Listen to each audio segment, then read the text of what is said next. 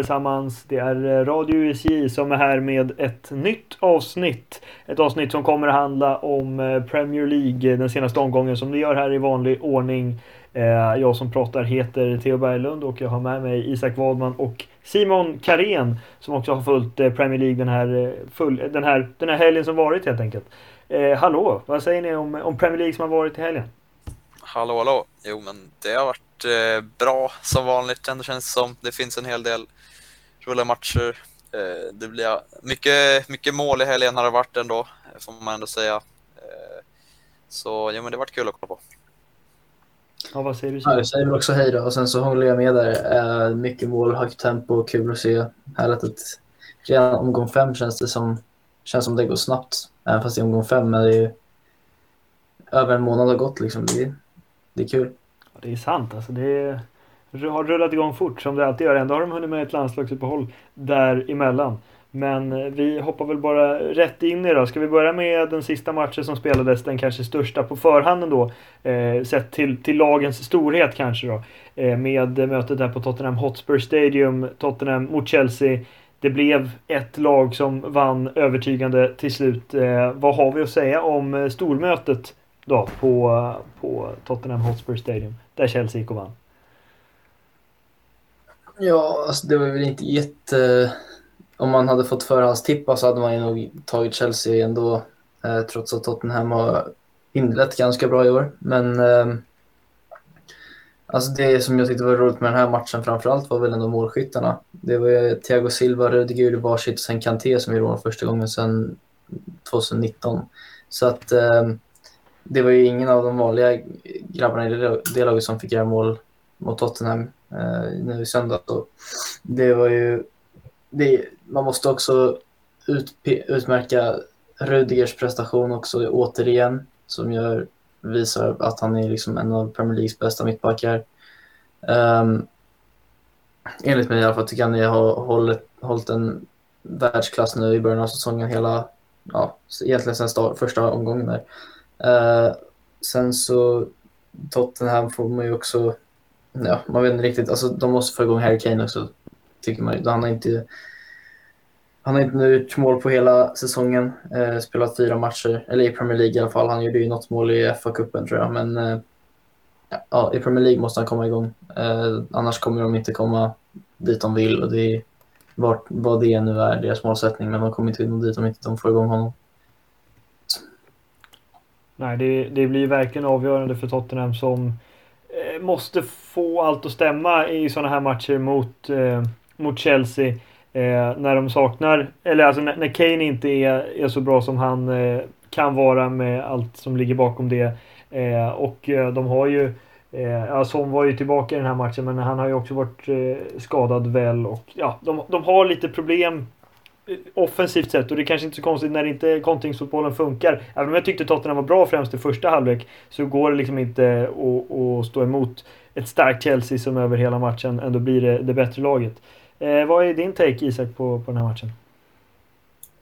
Eh, ja, men alltså framförallt att Chelsea fortsätter visa att de är ett lag att räkna med i tabelltoppen och de kommer vara där i slutet och antagligen vara topp två skulle jag gissa på de visar att de har bredd i truppen. Kovacic fortsätter sin fina form och eh, till exempel James spelar inte med tanke på den eh, otroliga spelare han är så blir han bänkad eller roterad då.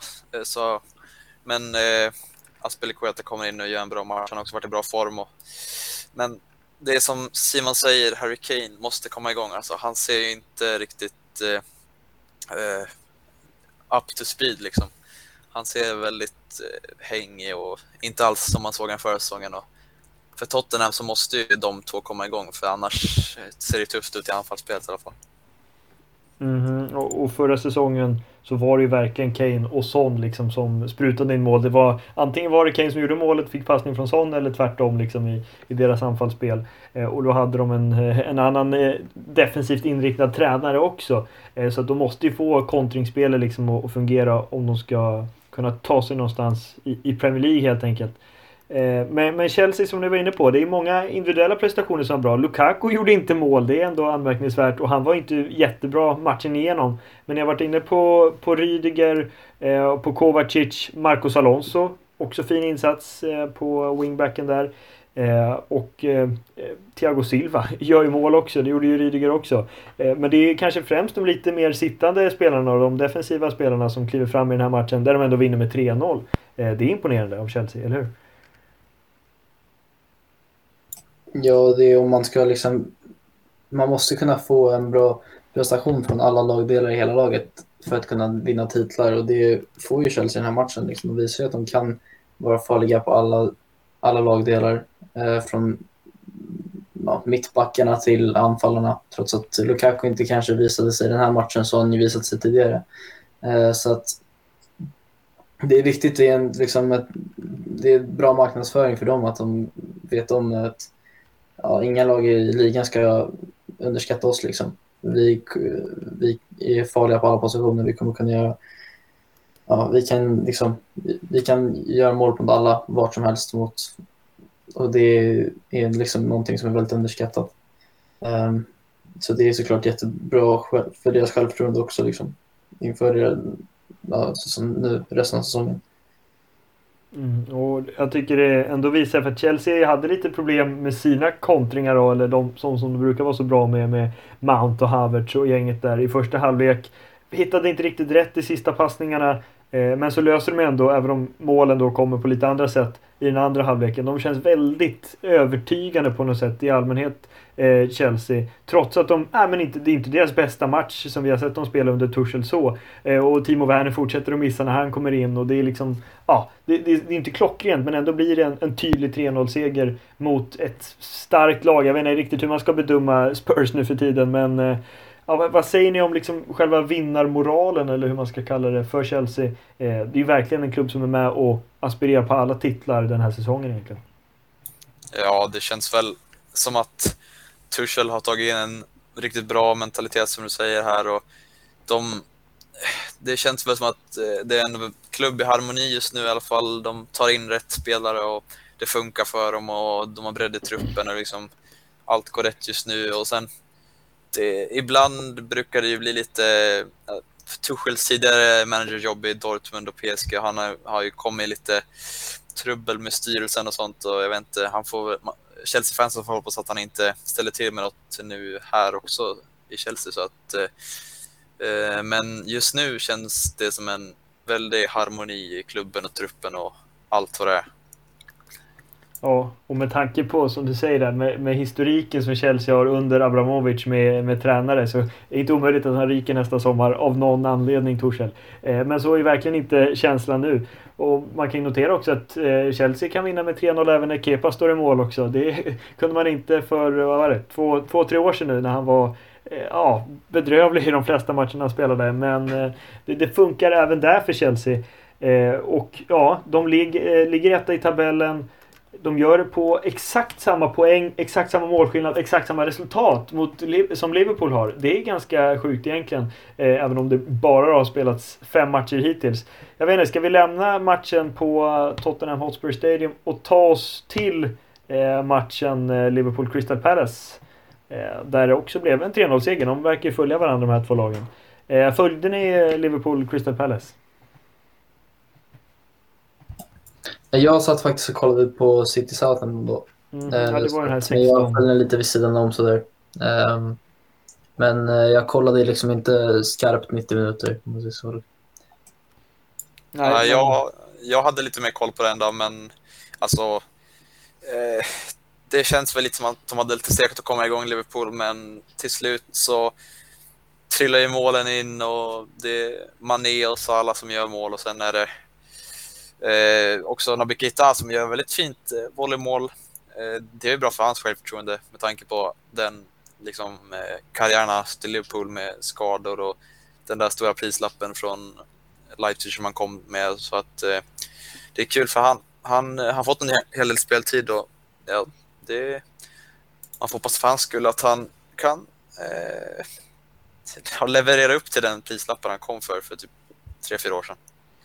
Mm, ja men exakt, och han har ju fått mer speltid som du säger. Det känns som han har steppat upp också med tanke på den speltiden. Wijnaldum har lämnat. Eh, Thiago har inte varit så bra som man kanske hade hoppats på när han kom. Harvey Elliot gick och skadade sig. Så det finns ju på något sätt luckor att fylla. Och också när James Milner går ner och spelar högerback. Han kan ju spela på vilka positioner som helst. Eh, men ja, det, det, finns positioner att fylla helt enkelt och om man får igång Naby Keita så är det uppenbarligen en väldigt bra spelare.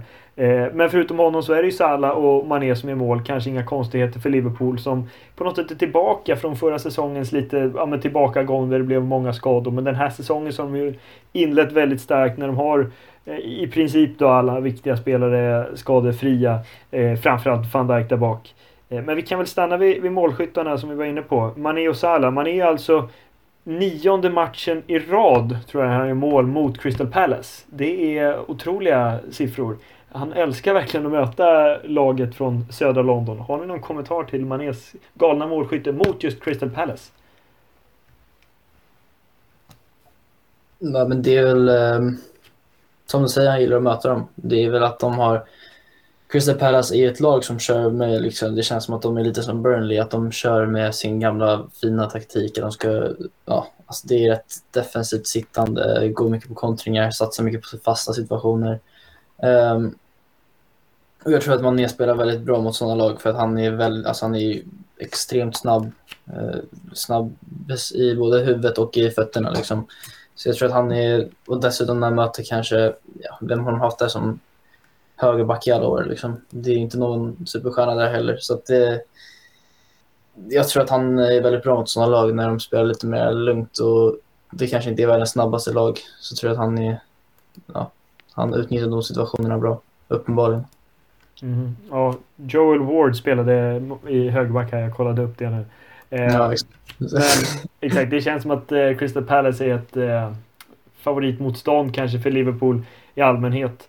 Eh, ett Liverpool, ja men som som, som sagt, de eh, ångar på. Och det är också intressant för att, ja jag, jag var inne på att de har fått tillbaka Van Dijk som såklart är en jätteviktig pjäs där bak. Men i den här matchen så är det ju ändå typ tre nya spelare på ett sätt i backlinjen. Eh, sett till eh, ja, men de tidigare framgångarna med Timikas på vänsterbacken, Konate bredvid Van Dijk och James Milner som förvisso har spelat ett tag i Liverpool men som ändå kanske inte har högerback som sin första position. Eh, och det om någonting visar väl ändå att Liverpool kanske är tillbaka nu. Är det, är det ett Liverpool 2.0 vi ser nu? Eh, som har liksom, eh, ja, men vad säger man, fått en renässans här och eh, utvecklats lite.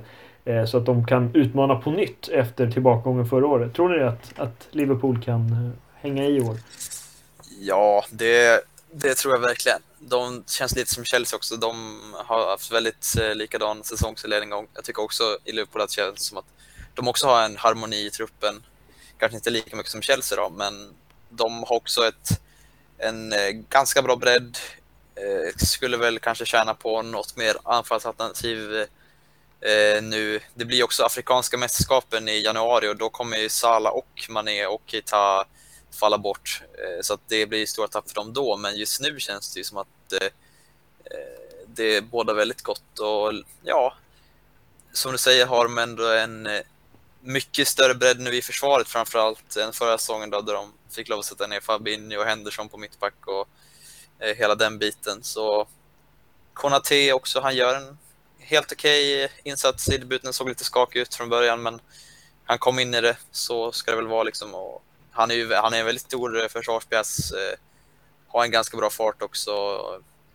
Det, men det, det båda gott just nu, men vi får se hur det blir sen i januari eller i vinter när de afrikanska spelarna ska ut eh, och spela för sina eh, länder. Mm, ja, det, det, har jag inte ens tänkt på, men det blir, eh, det blir väl Divock Origi som får lösa det på något sätt. Eh, deras hjälte ändå från ja, framförallt Champions League-äventyret där.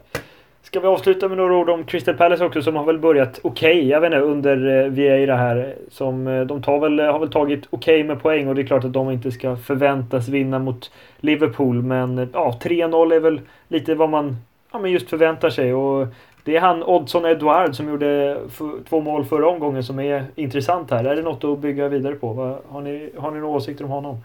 Det lilla man vet ändå. Ja, man, man vet ju exakt det lilla man vet, men man vet ju om att han har varit väldigt bra för Celtic i många, eller några år nu i alla fall. Och eh, det har ju uppenbarligen gett honom en eh, chans i Premier League. Och han hade ju en, en sån där debut som han liksom bara drömmer om. När han fick komma in och göra två mål på, vad var det, 20 minuter kanske. Um, så att för honom så är det ju såklart drömstarten på Premier League-delen av hans karriär. Liksom. Um, men förutom honom så tycker jag att Crystal, alltså jag trodde att Crystal Palace skulle floppa totalt med eh, Patrick Vieira. Och det, man kan ju inte säga riktigt att de har varit bra, men de har inte heller varit dåliga än. Liksom. Så att de är ju, jag vet inte, Patrick Vieira har, ehm, har överraskat mig lite positivare än vad jag trodde hittills i alla fall. Sen får man också säga att eh, deras, de har ju inte bara han eh, Edward som ny signing som har spelat bra, även han Conor Gallagher från West Brom tror jag att han spelade i förra året. Han har också spelat väldigt, väldigt bra i år. Eh, så att han får man också ge en liten shoutout till. Um, men eh, förutom det så ja, det är väl ganska samma, samma gamla vanliga Crystal Palace liksom. Mm. Ja, ja. Ja, jag, jag, jag, jag, Eh, vad ska man säga, jag motsäger eh, Simon lite här. Alltså jag tycker att Crystal Palace, de har värvat lite under radarn, men jag tycker att de har tagit in eh, nyttiga värvningar. De har också tagit in eh, Mark Guehi från Chelsea, sen har de tagit in Joakim Andersen från Fulham då. Så ett nytt mittlås, fräscht, ungt, eh, ja, har spelat helt okej okay mot eh, de flesta lag, kanske inte Liverpool då, men och sen som nämnde Conor Gallagher, också Chelsea-produkt som en som har varit lite utlånad till West Brom senast och han har spelat ruggigt bra. Kommit in i offensiva positioner och fått utdelning ibland. Och sen Edward som nämner i anfallet och sen också vill jag nämna ett litet eh, vad ska man säga, varningstecken för Michael Olise, en fransk engelsman, offensiv mittfältare som har kommit in lite. Men, eh, och sen får vi inte glömma Ibreche Essie heller som har varit skadad och hade en helt okej säsong eh, för, förra säsongen. Då. Men så det finns ju ändå en ganska ung trupp och något att bygga vidare på. Det kan bli spännande, men efter den här matchen så kan det väl inte varit så mycket glada miner, men vad förväntar de sig egentligen mot Liverpool? Så att, eh, nej men, det blir spännande att se vad de hittar på. Yes, det kommer det bli eh, för Crystal Palace. Och vi kan väl eh, röra oss vidare då i tabellen uppifrån sett när vi börjar med, med Chelsea och Liverpool. Så Manchester United, ett annat lag som har, har inlett bra. Eh, de fick alla tre poäng med sig från London, från London Stadium, från matchen mot West Ham till slut. Efter många om och men till slut. Det var en händelserik match. Var det den bästa matchen rent objektivt sett på, eh, i helgen här? Vad säger ni? Ja, jo, men det tycker jag väl. Det, den innehöll det mesta. Det var, eh, det var mycket spänning. Det var ju flera straffsituationer som Ronaldo ville ha jag tycker ändå han skulle fått i alla fall en av dem åtminstone. Och det var snygga mål. Ronaldo i mål och Lingard skriver in ett eh, 2-1 målet och Nobel missar straff. Så att det är mycket olika händelser och det var ändå en komplett match ändå. Jag får ändå hålla med om att det var den bästa i helgen. Det sker straff också bra för hans självförtroende. Ja, men ska vi tydliggöra exakt vad som hände här då? Eh, och gå igenom de allra viktigaste centrala höjdpunkterna här då i matchen.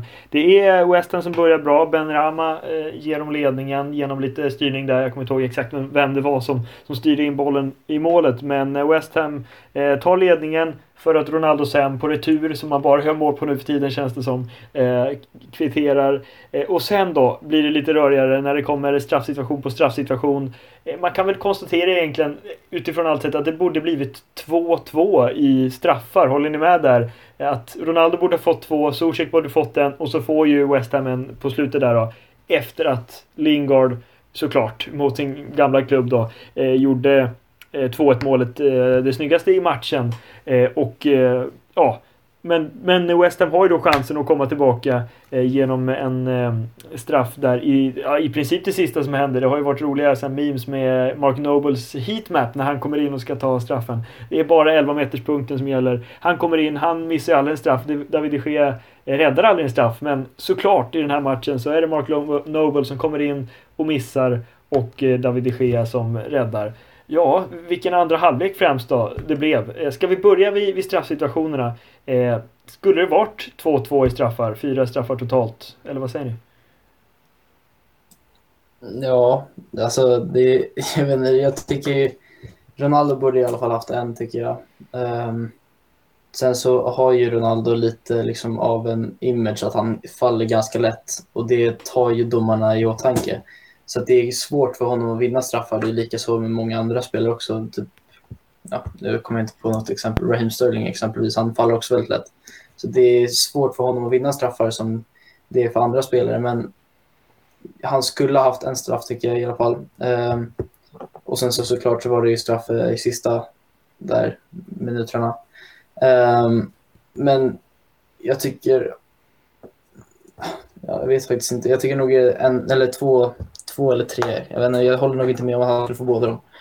Jag tyckte en av dem var ganska billig, men eh, tre straffar skulle jag kunna gå med på. Och sen tycker jag också det är lite kul att det är när man snackar om United och att de alltid får straffar och de vinner på straffar. Och att det är ehm, just en, att det blir motsatt effekt, att de vinner på att de alltså räddar en straff. Det är lite motsägelsefullt från vad de brukar göra.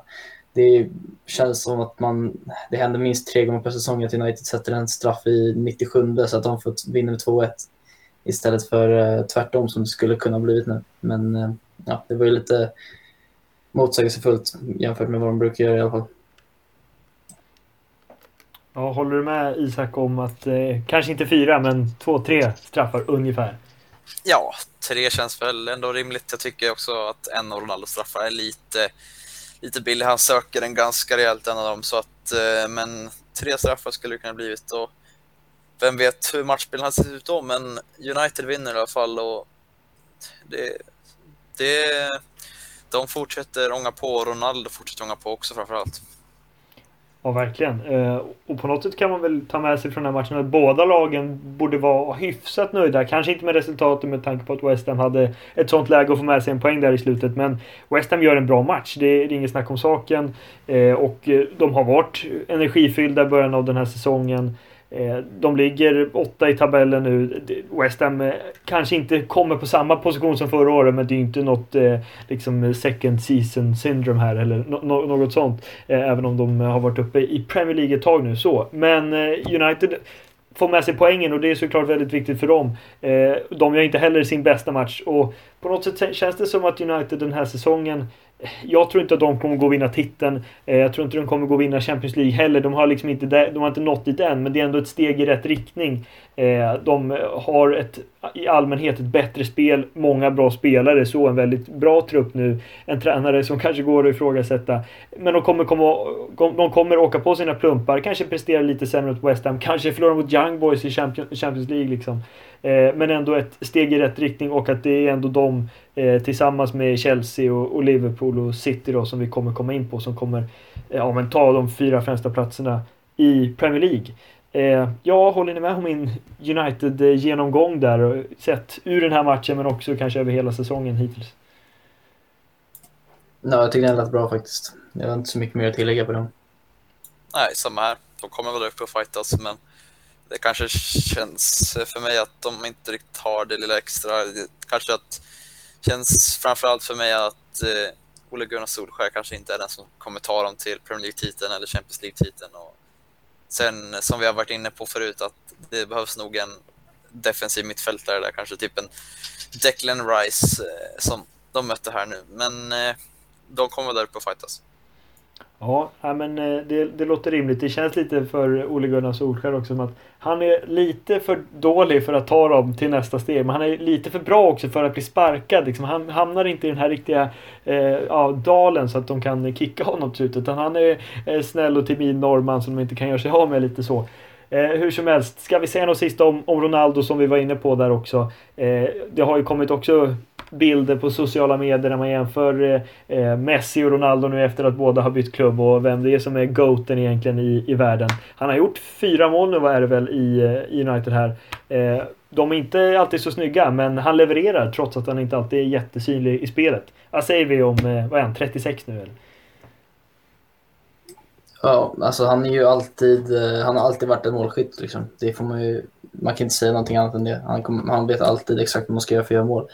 Och han visar att han fortfarande har. Liksom. Han är, oavsett om det inte är snyggt så är han fortfarande på rätt ställe vid rätt tidpunkt. Så det är ju alltid liksom, det är bara, det är bara applåderat och ge hatten av till honom för att han fortfarande är på världsklasspelare vid 36 års ålder. Liksom. Eh, sen ska man ju såklart inte ta någonting ifrån Messi heller, för det är ju ingen snack om saken att han är på minst samma nivå. Eh, och trots att han kanske inte gör mest mål för PSG just nu så är det fortfarande, han bidrar med så mycket annat än målskytte som jag tror, som jag i alla fall inte tycker att Ronaldo kanske bidrar med lika mycket. Eh, så det går ju lite, ja, det går ju lite åt båda hållen så att säga. Är, men eh, om man pratar bara om Ronaldo så får man ju säga att han har gjort ett väldigt bra jobb sedan han kom till United. Och om de, han kan fortsätta göra mål från 3-4 meter varenda match så kommer de ju fortfarande uppskatta det. Som om, och då kommer det fortfarande vara värt de där 25 miljonerna eurona de payade, eller betalade till eh, Juventus. Liksom. Så att, ja, det är ju solklar värvning hittills för mig i alla fall. Mm, ja, hittills så är det nog eh, United-supportrarna som är mest nöjda med eh, Ronaldo-värvningen helt enkelt. Eh, och Messi verkar inte vara så nöjd med eh, att bli utbytt eh, i matcher hit och dit. Men det är för en annan podd. Vi fortsätter med Premier League då och kollar på laget som är på fjärde plats i tabellen just nu. Och det är inte Manchester City som är i toppen, eller ja, högt upp i alla fall. Utan det är ju Brighton and Hove Albion. Detta lag som nu äntligen har fått igång det på något sätt. För de har ju, sen Potter egentligen kom, varit ett spelande lag som skapat lägen, som stått för fina insatser, men som inte riktigt fått att stämma i målskyttet. Jag vet inte om de är, har så mycket bättre spel spelare nu. Det har de väl egentligen inte. Men de gör ändå målen och vinner mot Leicester, eh, storlaget Leicester ändå, eh, med 2-1. Eh, hur bra koll hade ni på den här matchen? Ska vi börja där? Ja, alltså jag hade inte så bra koll på den, men det alltså Brighton den här säsongen som du säger, de får chansen att sitta och det är Welbeck och det är Mopé också, det är de som ska göra det och sen Trossard också med och eh, bidrar på ett hörn där som man alltid är. Och det, det, det är kul för dem. De, de värvar smart. De, jag antar att de sköter sin scouting ganska bra. De värvar spelare som är lite under radarn. Cucurella, Enoch Mwepu, Bizuma har ju varit där ett tag, men han har mm. verkligen klivit fram till en framträdande spelare i ligan. Eh, och sen, alltså de är alltid stabila försvaret också. Det är väl ändå eh, grunden till att kunna liksom överleva den här ligan. Så att eh, de, de har äntligen fått igång det och det måste kännas skönt för Graham Potter i alla fall. Mm. Och, och, som du är inne på där försvaret. Shane Duffy är tillbaka efter utlåning och han eh, eh, levererar ju. Man, man gillar ju den här Duffy Dunk eh, liksom duon där bak. Särskilt när de levererar också. Eh, men Leicester hade lite otur i den här matchen. De fick väl några mål bortdömt där. Barnes var offside. Eh, och ja, Leicester kanske inte eh, liksom sprakar lika mycket om den här säsongen som de gjort de två, två tidigare. Det är svårt att nå den här höjden igen. Jag vet inte. Eh, de ligger på tolfte plats. Eh, men i den här matchen då. Nu kanske vi, ja. Jag vet inte om alla har sett den liksom. Men eh, var det Leicester som, som underpresterade, hade otur eller var det Brighton som ändå fortsätter ånga på? Har du någon åsikt där Simon? Nej, alltså jag känner att det var inte jätte liksom uppdelat i spelet så. Alltså jag tycker inte att det var något lag som presterade bättre än det andra. Jag tycker att få ett resultat är rätt, rätt liksom, ja, det är rätt okej. Okay, eh, baserat på liksom själva spelet. Eh, och då får man ju räkna med att ett, ett av de målen är straff också. Så det är, eh, och ett annat för Leicester blir bortdömt. Så det, är så här, det var väldigt jämn, jämn eh, match på det sättet. Båda förlagen spelade väl liksom till sin höjd och jag vet inte vad Graham Potter har gjort med det här Brighton-laget, men det känns som att han har hittat det där extra som han gjorde med Östersund. Att han, han kanske har fått dem att börja dansa eller spela yoga eller så som han gjorde med Östersund-laget. Jag vet inte. Men eh, någonting har han gjort för att få igång dem på att överprestera enormt mycket i alla fall hittills. Ja, det är Svansjön nu i Brighton också eller? Eh, på deras eh, teater där eller var väl, det var väl något sånt de höll på med där. Ken Sema och gänget. Ja, de gjorde massa grejer. Jag tror de yogade och dansade och gud vet vad. Ja, det, om det funkar så funkar det. Eh, och Brighton har ju tur med sig nu för tiden ändå. Eh, och vinner med 2-1 som sagt. Eh, jag var inne på City där. De eh, tar ju inte tre poäng den här eh, helgen. Anmärkningsvärt ändå. Eh, det blir 0-0 Manchester City mot Southampton. Vad säger ni om den matchen? att City inte gör mål, för det, det är anmärkningsvärt, det är det. Ja, de får ju... det blir väl tungt där efter röda kortet. Jag, jag vet inte vad jag ska säga eftersom jag inte kollar på den här matchen så mycket, men jag såg i alla fall situationen på slutet av matchen då när mål blir bortvarat och det var Sterling som petade in den. Det var han och Foden som var på väg mot målet och sen eh, jag vet inte om Foden skulle tryckt dit den så skulle det nog inte varit offside men så var det, nu var det Sterling som gjorde det och då blev det offside och City förlorar två poäng här får man ändå säga för de ska ändå vinna den här matchen och, men fair enough ändå till SA-15 att de kan stå emot och ja, de man får inte räkna bort dem helt, eh, är väl min eh, liksom, tanke. Men eh, ja. Nej. Ja, jag tycker det är nästan är svårare för City att de, eller det är svårare att se att City inte vinner den här matchen än att, alltså att de inte fick ett enda skott på mål. Det tycker jag är sjukare än att de inte vann matchen. Det är, alltså att de inte vinner matcher, det är absolut, det händer alla. Um, alla storlag i hela världen att de, ingen, ingen vinner varenda match på hela säsongen, det är såklart. Men att de inte lyckas få ett enda skott på mål eh, på 90 minuter mot Southampton när de har det laget tycker jag är lite svagt av dem faktiskt. Um, speciellt när de typ tre, två, tre dagar tidigare gjorde sex mål mot Leipzig. Uh, och det var inte heller med ett mycket sämre lag. Det, de hade Mares, Ferran Torres och Grealish. Nu hade de Grealish, Jesus och Bernardo Silva tror jag, om jag inte minns fel. Så att ehm, det var ju inte liksom superstor klasskillnad på det sättet. Så jag vet inte riktigt vad som gick fel där. Det var kanske någonting i taktiken, det kanske var någonting mentalt, eller så var de bara trötta. Liksom. Det, det var någonting som inte gick vägen helt enkelt. Um, så att, mm. ja, att de inte får ett skott på mål tycker jag är det värsta istället för att de inte får med sig två eller tre poäng. Ja, det blir svårt att klaga på, på otur eller liksom att man får ett mål bortdömt när man inte har ett enda skott på mål då, förutom det. Men det, det var ju offside helt enkelt. Eh, och det var en intressant situation där med Kyle Walker också, den har ni säkert sett. Eh, skulle det ha blivit straff för eh, Southampton när han kommer in där? Det blev ju straff egentligen, men sen så ändrade ju sig, men var det Moss, domaren där? Eh, till att börja, har ni sett situationen? Ja, jag såg den. Ja, vad, vad, vad säger du om den Simon? Ja, men jag tycker väl att det är lite så Kyle Walker spelar. Han spelar ganska tufft liksom. Och det, det känns som att han ofta gör ganska dumma beslut.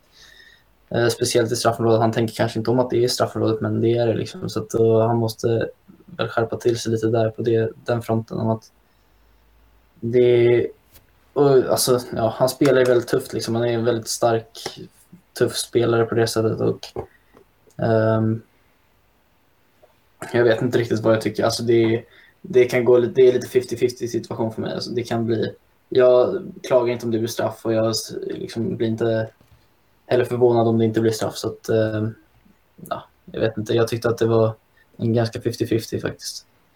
Mm. Ja, jag såg inte heller den här matchen i liksom, ja, då det hände och utan att ha sett det i efterhand. Men jag kan ändå tycka att jag tycker det är så pass hårt att Ja, det, det är rätt att döma straff, det, det kan jag absolut köpa. Eh, och, men då borde ju egentligen inte VAR gå in för det är inte tydligt, det är inte clear and obvious att det inte är straff. För han är inte på bollen utan han går in med liksom benet före och trycker, trycker i så. Sen om Moss väljer kanske att inte döma straff, visst det går också. Men att VAR då ska in och, och ja, ändra på beslutet. Det känns fel även om han själv får gå ut och titta på det då. Eh, men det finns ju många andra situationer där eh, domarna inte har ja, men, eh, fått VAR utan att man följer domarens linje som de tog i, i realtid helt enkelt. Så det var, det var lite märkligt. Men ingen straff till Southampton helt enkelt. Vi ska väl röra oss vidare mot resterande matcher och, och nämna ett ord om de flesta. Isak, Arsenal vann mot Burnley. Det var Arsenal viktigt. Vann, ja. Eh, jo men det är tre poäng, alla tre poängen räknas och det Arsenal skapar mycket chanser. Det såg lite likadant förra säsongen också, att skapa mycket. Men det är väl effektiviteten som jag skulle vilja att den höjs ett snäpp. Och, men Martin Ödegård sätter en frispark och det... Ja, som jag säger, det är tre poäng. Alla, det behövs verkligen nu och det är inte så långt bakom ändå. Liksom. Det, i, efter andra, gång, andra omgången var det liksom sex poäng efter Tottenham, nu är det tre poäng. Och liksom, Arsenal låg längst ner och Tottenham högst upp. Så att eh, det har väl eh, vänt lite för båda lagen i olika håll. Men det, det är i North London Derby också här nästa omgång så det blir spännande att se hur det utspelar sig. Men jag är optimistisk i de här tiderna. Det har sett uppåt ut, men man vet aldrig vad som kommer hända. Det, det mötet blir ju riktigt intressant med två lag som inte mår allt för bra ändå. Eh, men det var ju den här tuffa inledningen för Arsenal som var, som var jobbig. Och eh, den här matchen mot Burnley, var inte Burnley, jag såg inte matchen här, men var inte Burnley ganska bra liksom? Eh, ja men stundtals i matchen. Men Arsenal lyckas reda ut det till 1-0, eller vad, vad säger du om, om matchbilden som sådan? Ja, jo men alltså Burnley är stabila, de de, visst, de skapar en hel del saker, men alltså, jag tycker ändå Arsenal skapar mer och ändå förtjänar den här segern eh, ganska mycket. Så att, eh, jag tycker att det är en välförtjänt seger och det, det finns saker att jobba vidare på helt klart, men det är tre poäng. Yes, och de eh, tar nog Arsenal alla dagar i veckan mot eh, Burnley. Eh, det blev eh, tre poäng också för Aston Villa mot Everton i en ytterligare en 3-0 match här då. som det har varit några sådana under eh, helgen. Eh, Leon Bailey presenterar sig verkligen för den engelska publiken. Vad säger ni om hans, ja men var, debut var det väl ändå inte, men hans ja, mål och nästan mål där vid hörnan också. Ja, det, Aston Villa gör en riktigt bra match tycker jag. Och Leon Bailey kom in där, eh, han blev inbytt och sen blev han utbytt, men på den lilla korta tiden han väl är inne på planen så visar han sina liksom, största egenskaper, framförallt hans fart kanske. Han kommer igen för det där målet han gör.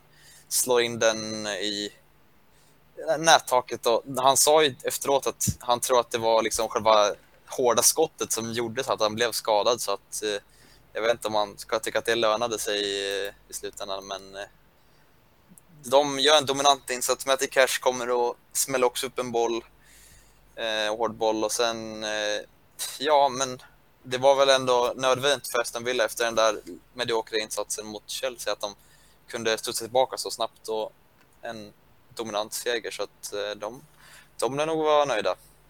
Mm -hmm. Ja, det blir ett lag att räkna med och, och Eh, det blir nog ett lag att räkna med och eh, eh, Everton har ju inlett hyfsat okej okay, men den här plumpen det var väl inte riktigt vad de önskade. Har du några tankar om Everton Simon så här långt in på säsongen?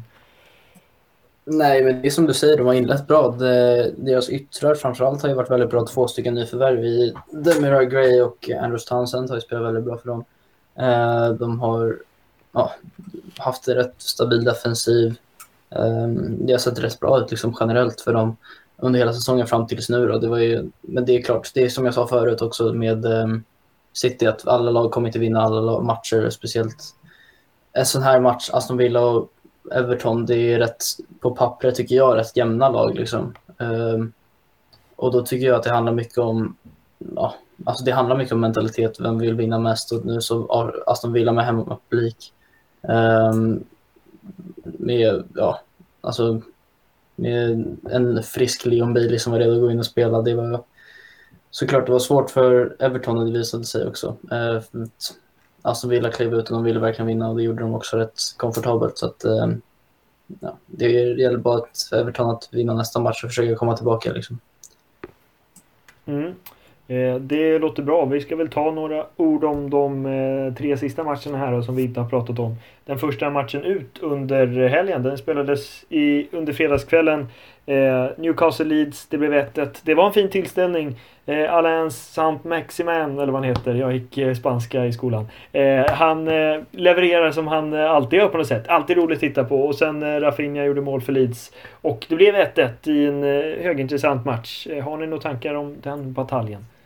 Ja, alltså första halvleken var ju ett väldigt fyrverkeri liksom. Som du säger, Sam Maximin, han, han dribblar och har sig och han kommer fram till lägen och det här, i det här läget så sätter han den och det, det är viktigt för Newcastle att man får igång honom för han känns ändå som att han är en liten så här formspelare. När, han, när, han, när det är kul att spela fotboll så går det bra för honom.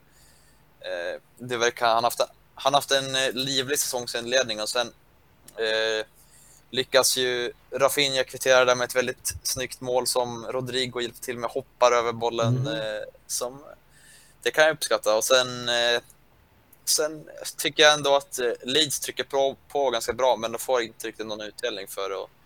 Det är väl lite synd för dem, eh, men Ja, och sen kanske det inte riktigt var så bra att eh, Newcastle bara fick med sig en poäng från den här matchen för det känns som de, behöv, eller de behöver ta liksom alla poäng som erbjuds till dem. Och det här var kanske en chans för dem att eh, försöka ta sig ur bottenträsket. Då. Men eh, det var en bra första halvlek, sen eh, varvade det väl ner lite, men det är en bra match i allmänhet. Mm, det, det, är det och det är ändå intressanta lag verkligen men eh, båda ligger här runt nedflyttningsstrecket eh, just nu Leeds 17 och, och, Newcastle på 18 plats. Eh, blir det lag som ja, är nära eller på väg att åka ur den här säsongen? Vad tror ni? Ja, alltså det är ju lite på förhand, lite på pappret så, så känns de ju lite halvsäkra att stanna kanske. Men eh, jag, vet inte, jag, tycker, jag gillar Leeds värvningar i år. Jag tycker Daniel James och Junior Firpo är bra för dem. Eh, bidrar mycket, med mycket snabbhet framför allt. Eh, och Rafinha tycker jag också har visat sig vara en klassspelare. Eh, och ja, alltså Patrick Bamford också på striker har ju vad gjorde han, 16 mål typ förra året så att han har ju också visat att han håller klass. Jag tror inte riktigt att de har någon eh, risk på det sättet faktiskt. Det, det känns ju som att Leeds kanske är ett lag som ska ja, stiga lite uppåt i tabellen medan Newcastle får tampas där nere. Men 1-1 i den här matchen alltså. Eh, snygga mål var det. Man trodde ju för en sekund där att det var någon slags klack från Rodrigo men ah, det var det inte. Snyggt var det i alla fall. Eh, ska vi ta oss till Norwich-Watford då? Två nykomlingar. Eh, där ett lag ändå övertygar mer än det andra. Norwich, där kan vi, det känns nästan som att man redan nu kan slå fast att de, de kommer få det väldigt jobbigt att hänga kvar. Ja, jo men så känns det verkligen och det känns inte som att de riktigt fått ihop eh, den truppen som de behövde till Premier League. Liksom. De har värvat in ungt och lovande men samtidigt måste man ändå tänka lite vinna nu liksom, om de ska hänga kvar. Det är väldigt bra för framtiden men ja, det ser verkligen ut som det, att det är Championship för dem. Och det, de har inte riktigt spetsen känns som puck gör mål men det kommer han inte, jag tror inte han kommer göra mer än 10 ligamål i år. Liksom han kommer inte kunna bära upp det där själv. Och samtidigt så ser ändå Watford lovande ut. De gjorde det bra första omgång, minns vi mot Aston Villa, men sen har det gått lite tyngre. Men de, de visar med sina eh, afrikaner på kanterna, ah, Ismail Essar och sen eh, Emmanuel Denis också, har varit eh, positivt, eh, har sett positivt ut liksom. De, han har väldig speed och Sarr gör liksom två mål. Han visar att han håller Premier League-klass. Han hade en bra säsong eh, i Championship då, men nu, nu är de uppe igen och jag tror att de kan vara något att räkna med alltså. Om de eh, får en liksom jämnhet i sitt spel och kan fortsätta leverera på en liksom flera matcher i rad. Ja, ja men uh, Watford är intressanta med en svensk i laget i form av Ken Sema också. Och Dennis som du säger på ny, som du nämnde där, nyförvärv. Eh, Ismail Sarr är inte nyförvärv men han har ju ryktats till Liverpool under något januarifönster tidigare. Så, så att, eh, det är ett intressant, eh, kanske framförallt offensivt lag de har. Medan eh, Norwich får, eh, ja, hoppas och tro på eh, stackars Timo Pukki där som ska göra lite för mycket. De har ju fem förluster här på de fem inledande matcherna. Så det lär väl bli Championship för dem nästa säsong. Simon, ska du ta några ord om eh, Wolves-Brentford då? Matchen som vi inte pratat om än. Där eh, den tredje nykomlingen då går och vinner mot eh, Wolverhampton. Vad säger du om den matchen? Jag tycker, alltså det är som...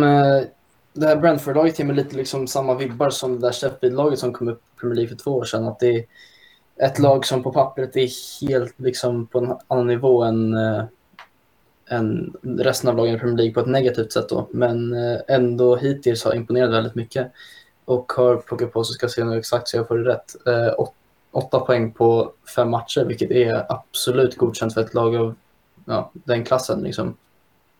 Eh, och Ivan Tony i mål. Ehm, det är viktigt för dem också, han ska ju vara deras kille som ska bidra med mest mål. Eh, och det är ju bra att de får igång honom. Kul såklart att Pontus Jansson också har fått den där startplatsen som vi hoppades på. Trots att nu har slutat landslaget, men det är alltid kul att se svenskar i, i Premier League. Um, men uh, ja, om man ska ta det här Wolfslaget också så tycker jag att de är lite tvärtom än vad jag förväntade mig. Jag tycker att de har underpresterat väldigt mycket. Um, och det tror jag beror främst på att de har tappat Nuno, Nuno Espirito Santo som deras tränare. För han har ju han var ju med i det laget väldigt länge liksom, och han tog det laget till vad de är idag eh, och byggde upp många av deras spelare och gjorde, alltså, gav, gjorde de spelarna till vad de är idag också. Eh, och nu när han har lämnat så känns det riktigt som att de inte riktigt klaffar på samma sätt. Att de, eh, de har inte riktigt samma kemi, de har inte riktigt samma speed och samma liksom, glädje när de spelar. Och det är såklart, drabbar ju dem väldigt mycket. Ehm, och de har ju liksom bara fått nu tre poäng eller vad det är, tre, fyra poäng nu på de första fem också. Så att, uh, ja, det är lite ombytta roller än vad jag trodde inför säsongen. Men uh, här är vi nu liksom. Det är, det är tufft för uh, Wolves nu. De måste försöka få ihop det. Ja, alltså jag tyckte det kändes, i alla fall i den här matchen mot Brentford, så tyckte jag, alltså i andra matcher har de skapat mycket. Liksom, Traoré har tagit sina djupledslöpningar och allt vad det är. Och de har sett ganska livliga ut, men nu tyckte jag verkligen inte att det såg ut som eh, det gjort tidigare. Och, men Brentford gör en riktigt bra match. Jag tycker Mbom och uh, Ivan Tony gör riktigt uh, fin match på topp. Uh, särskilt i 2-0 målet visar de verkligen sin uh, liksom, kemi där uppe. Och de ser också liksom livliga ut. De, de tycker det är kul att spela fotboll och det, det, funkar för dem hittills. Och det får se hur länge det kan räcka för dem. Ja, det är, det är frågan. Eh, och som ni varit inne på, Wolves ändå som, som har, det är ett det, det är ett lag med bra spelare måste man säga. Han har fått ihop det bra där, eller hela portugisiska ligan egentligen. Eh, med, med spelare där. Eh, Trincao, bra nyförvärv från Barcelona. Så det, det är ett lag som kan spela fotboll liksom. Men eh, som inte får ihop dem om de inte har den här rätta energin. Men just energin har ju de här nykomlingarna, framförallt Watford och Brentford då, som vi varit inne på här. Eh, som lite spelar, eh, ja, men, eh, ja men lite förutsättningslöst på något sätt. Att de vet att shit, nu tar vi ett steg upp men eh, det, vi har inget att förlora egentligen på att, på att spela bra fotboll. Och Ivan Tony som var inne på, eh, riktigt fin start. Vi har mål här alltså. Och eh, Brentford lyckas vinna trots det, det röda korten där på Chandon Baptist. Ja, eh, ska vi säga att det var allt eller har ni något mer att tillägga om eh, den femte omgången här av eh, Premier League? Eller ska vi börja runda av? Ja, jag tycker vi har summerat det rätt bra. Eh, mycket mål helt enkelt. Mm -hmm. Ja, det är en fin omgång. Håller du med ja, Simon? Absolut. Ja, absolut. Bra tempo, sköna mål. Det är ju vad man vill ha på en eh, helg liksom. Exakt, och det är ju ligacupen som gäller nu idag va? Och eh, imorgon är det väl också. Mm. Eh, för eh, ja, de flesta lagen och eh, det, det blir intressant det. Kommer ni följa det? Ja, kan hända att det blir någon, eh, någon minut, men eh, kanske inget eh, jättebevakning, men något blir nog att kolla på. Nej, jag ser nu, jag läste laguppställningen nu på City-matchen att det är Akin Fenwa startar nu, så det är ja. kanske man glider in där lite senare. Jag vet inte. Ja, det kan hända. Ja, det, vi får se, vi får se. Eh, det blir nog ingen podd enbart ägnad åt ligacupen. Vi får se när vi kommer tillbaka med Radio USJ. Men eh, roligt att vi pratade ner eh, eh, den femte omgången här eh, idag i avsnittet. Eh, tack alla som lyssnat. Tack Isak och Simon också för att ni var med. Eh, och på återhörande till alla som ja, har lyssnat. De som har gjort det. Tack så mycket. Hej då. Tack, tack. Hej då.